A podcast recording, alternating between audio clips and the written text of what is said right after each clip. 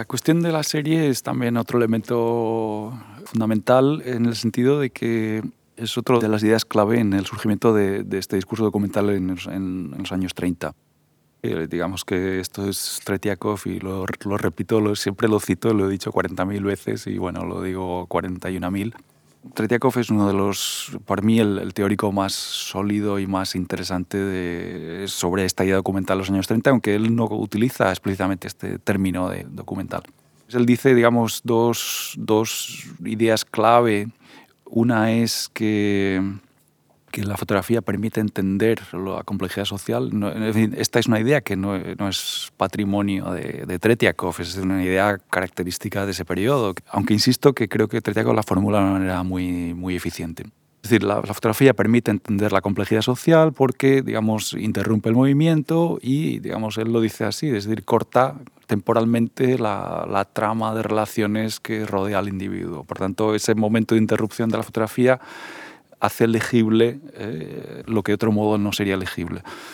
Pero segundo elemento, para que esta legibilidad se produzca es necesaria la serialidad, el conjunto de imágenes, es también algo que dice Benjamin a propósito de aquella famosa cita de la fotografía de la fábrica Krupp, que de algún modo una foto no nos dice realmente lo suficiente sobre digamos, las condiciones históricas, políticas de esa fábrica, sino que hace falta más elementos, hace falta el pie de foto, según Benjamin. Es decir, que Tretiakov diría que efectivamente hay, hay ese elemento de serialidad, ese elemento de puesta en página, de, de articulación texto-imagen. Texto-imagen no quiere decir solamente pie de foto, quiere decir eh, articulación de lo discursivo y lo visual, es decir, de formas diversas. ¿no?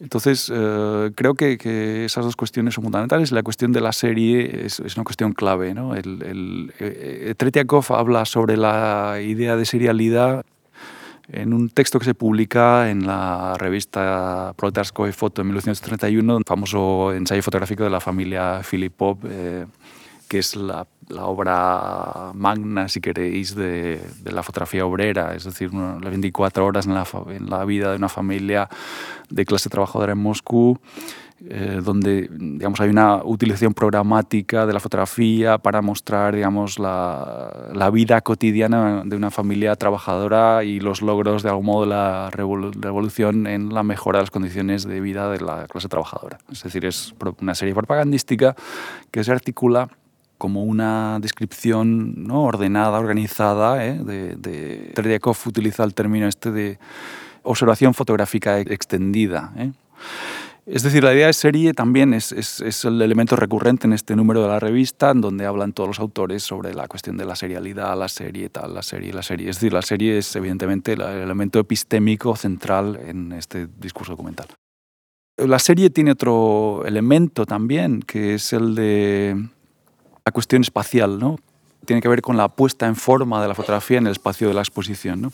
Y mm, un poco volviendo a, los debates sobre la, crítica a la representación y demás, en los años 80-90 Jeff Wall empezó a utilizar estos grandes formatos eh, con las transparencias, eh, remitiendo también a la tradición de la pintura del siglo XIX, es decir, también a Manet, la pintura de la vida moderna, es decir, es remitiendo, digamos, también en Jeff Wall hay este elemento arqueológico del origen de la modernidad, eh, y él, digamos, adopta ese modelo del cuadro, del espacio público burgués, el cuadro de los salones, Manet y la pintura de historia, como modelo de espacio fotográfico, ¿eh? como forma en que la fotografía puede y de algún modo debe ocupar los espacios del arte. Es decir, los, y Jeff Wall esto lo explica, pienso que muy bien, en donde, digamos, él describe como el cuando hay un público delante de un cuadro de gran formato, eh, digamos que hay un elemento de, de, belleza, hay un elemento de, en donde se visibiliza toda una idea de espacio público, democrático, burgués, que nace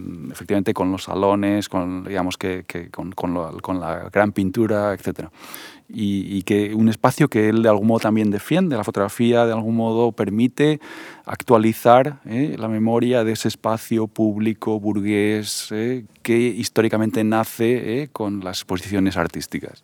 Lo que yo confrontaría a esta idea de, de, Jeff Wall y de ahí también mi crítica a la idea del tableau o el cuadro fotográfico es que efectivamente la fotografía nace como la criada de las artes, como la negación de ese espacio público burgués, eh, y que incluso esto tiene que ver con la condena que hace Baudelaire a, la fotografía en, el Salón de 1859, donde él de manera así escribe esa famosa sentencia de que la fotografía debe es y debe ser la criada eh, de, las, de las artes la subalterna o la proletaria, como queramos llamar.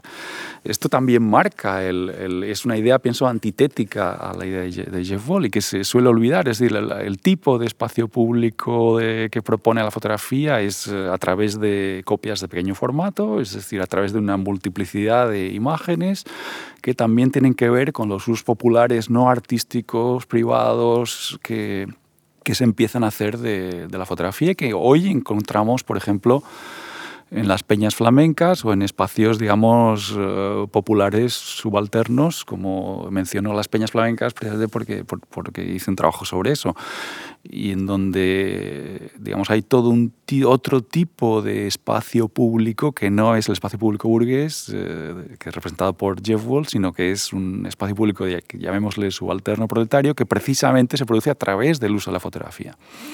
De ahí también, pues, eh, digamos, mi uso del espacio expositivo es una referencia a ese tipo de espacio, a ese, tipo, a esa, eh, digamos, a ese problema, si queréis, histórico, de, cómo la fotografía también en ese momento, digamos, fundacional de 1850 y 60 también introduce todo un nuevo problema dentro de, de, esta idea de espacio público construido a través del arte y también que, digamos, que ese espacio público, digamos, no es tan consensual y que genera formas de exclusión y que de algún modo, así pienso que, la idea de ese espacio público burgués es la idea fundacional del espacio democrático, pero que evidentemente ese espacio es un espacio que debe siempre ampliarse y reinventarse, y decir que, que de algún modo el modelo de la pintura e historia digamos, es discutible desde ese punto de vista.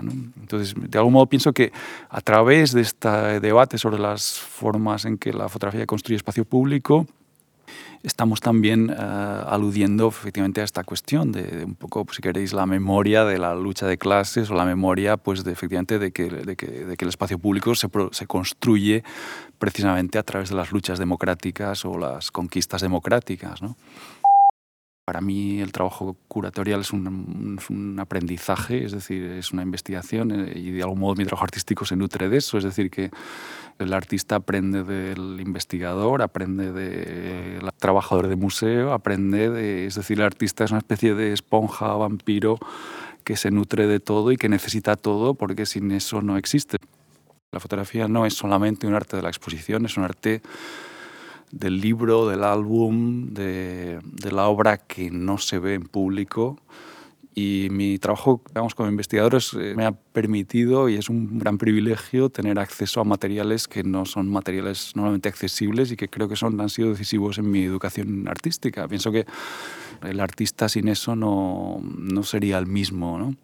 Y, y, por tanto no tengo, digamos, reparo en convivir. Las dos actividades creo que incluso es, es un privilegio aunque a la vez, digamos, plantea dificultades o preguntas o, digamos, un reparto del tiempo complicado y muchas cosas.